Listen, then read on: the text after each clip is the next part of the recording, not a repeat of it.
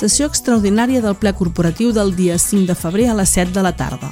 Aprovació, si escau, del pressupost municipal 2024. I aprovació, si escau, de l'ordenança municipal reguladora de les mesures aplicables a l'abastament d'aigua potable i els usos de l'aigua en situació de sequera.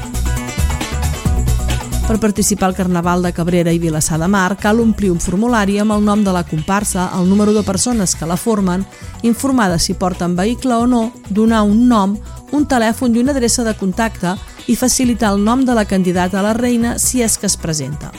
Una gravació de dos minuts de música com a màxim per posar durant l'exhibició en format MP3. Caldrà enviar-la a part mitjançant correu electrònic a l'adreça vinesq i arroba. Les sol·licituds presentades fora de termini no seran acceptades. Les carrosses de les comparses tindran unes dimensions màximes de 4,5 metres de llarg per 2,5 d'ample i 3,5 d'alt. El jurat estarà compost per persones independents que s'encarregaran de puntuar l'originalitat, el vestuari, la coreografia i l'atractiu de la comparsa i que es repartiran per tot el recorregut de la Rua i a la plaça Terradelles durant l'exhibició final. El veredicte del jurat es farà públic aproximadament a les 11 de la nit del dissabte 10 de febrer. La Rua de Carnaval de Cabrera de Mar Vilassar de Mar tindrà lloc el dissabte 10 de febrer. La concentració es realitzarà a Cabrera de Mar a les 5 de la tarda i la sortida serà a les 6 per l'Avinguda Borriac i siguin o no totes les comparses. L'accés a l'espai de concentració es realitzarà per la Ronda de Catalunya pujant per la Rambla dels Vinyals i el carrer Montnegre on es concentraran les comparses.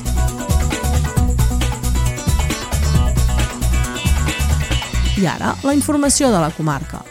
El conseller d'Interior, Joan Ignasi Helena, i l'alcalde de Calella, Marc Buc, han polit les diferències evidenciades en les darreres setmanes i després de la Junta Local de Seguretat, tots dos han comparegut plegats per reformar la necessitat d'enfortir la cooperació institucional entre el Departament i l'Ajuntament. Helena ha demanat deixar de banda debats estèrils per posar l'accent en la recerca de solucions, mentre Buc espera que el reforç d'agents es concreti aviat per no haver de tornar a alçar la veu. Amb tot, l'alcalde admet que els operatius conjunts de les darreres setmanes ja han donat fruits amb una baixada dels fets delictius aquest mes de gener.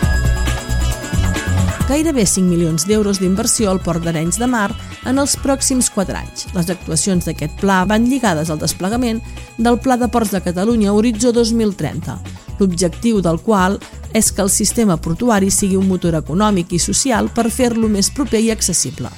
El 54% de la inversió va destinada a les infraestructures per protegir i donar recer als ports, així com a l'adaptació d'aquestes infraestructures al canvi climàtic, tenint en compte l'emergència climàtica actual i després dels danys que van patir les zones portuàries amb el temporal Glòria el passat 2020. En el cas del Port d'Arenys, la inversió més elevada se l'emporta precisament el reforç del dic de Llevant amb més de 3 milions d'euros. També es preveu la urbanització del vial de la Ribera amb mig milió d'euros o l'adequació dels locals d'aquest mateix vial. També es preveu l'adequació del pas sota la via del tren amb una inversió de 300.000 euros o l'adequació de l'accés al port per la Nacional 2 amb gairebé 50.000 euros. Preocupació entre els pagesos del Maresme perquè la sequera ha propiciat que els cabirols baixin als camps i malmetin la collita. Joaquim Ginesta, maduixaire de Calella, explica que a diferència dels senglars que només mengen la fruita, els cabirols malmeten tota la planta. Les altes temperatures i la sequera estan afectant la collita de maduixes d'aquest any que es preveu que serà escassa. Els cabirols es desplacen als camps perquè no troben aigua ni menjar i malmeten les collites. A veure, el senglar es menjarà directament la maduixa, el fruit. I la planta no te la tocarà. Però el cabirol, com tu saps una planta, ell et menja totes les fulles verdes. I és que el cabirol tindrà res i salta. Et salta, és que et pots saltar-te un metro vuitanta. Les reserves d'aigua estan sota mínims històrics, gairebé per sota del 16%, i Catalunya entra en emergència per sequera avui 1 de febrer. Els pagesos són el col·lectiu que més noten les restriccions. Per Ginesta, la preocupació, més enllà de les restriccions del consum d'aigua, és que no s'omplin les seves pròpies reserves per regar. Serà aleshores quan hauran de dependre del subministrament d'aigua i té provisions fins a l'estiu, quan necessita més aigua per les altes temperatures. Assenyalen que no havien viscut mai una situació així de preocupant perquè anem tirant d'aquests recursos hídrics que anem tenint a finques, però ve veiem que, que la cosa pot, pot canviar molt. Que, a, a veure, els pobles sí, poden tenir els recursos de, de saladores, però els pagesos no ho tenim, això. Des del Glòria es pot dir que, que no tenim pluges. No tenim pluges que vagin a, al subsol per, per, per omplir l'aqüífer subterrani que, que tenim.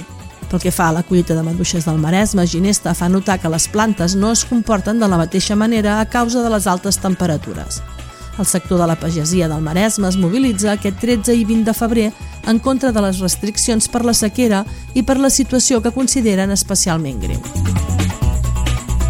Fins aquí l'informatiu d'avui, dijous 1 de febrer de 2024. Que passeu un bon dia i gràcies per escoltar-nos.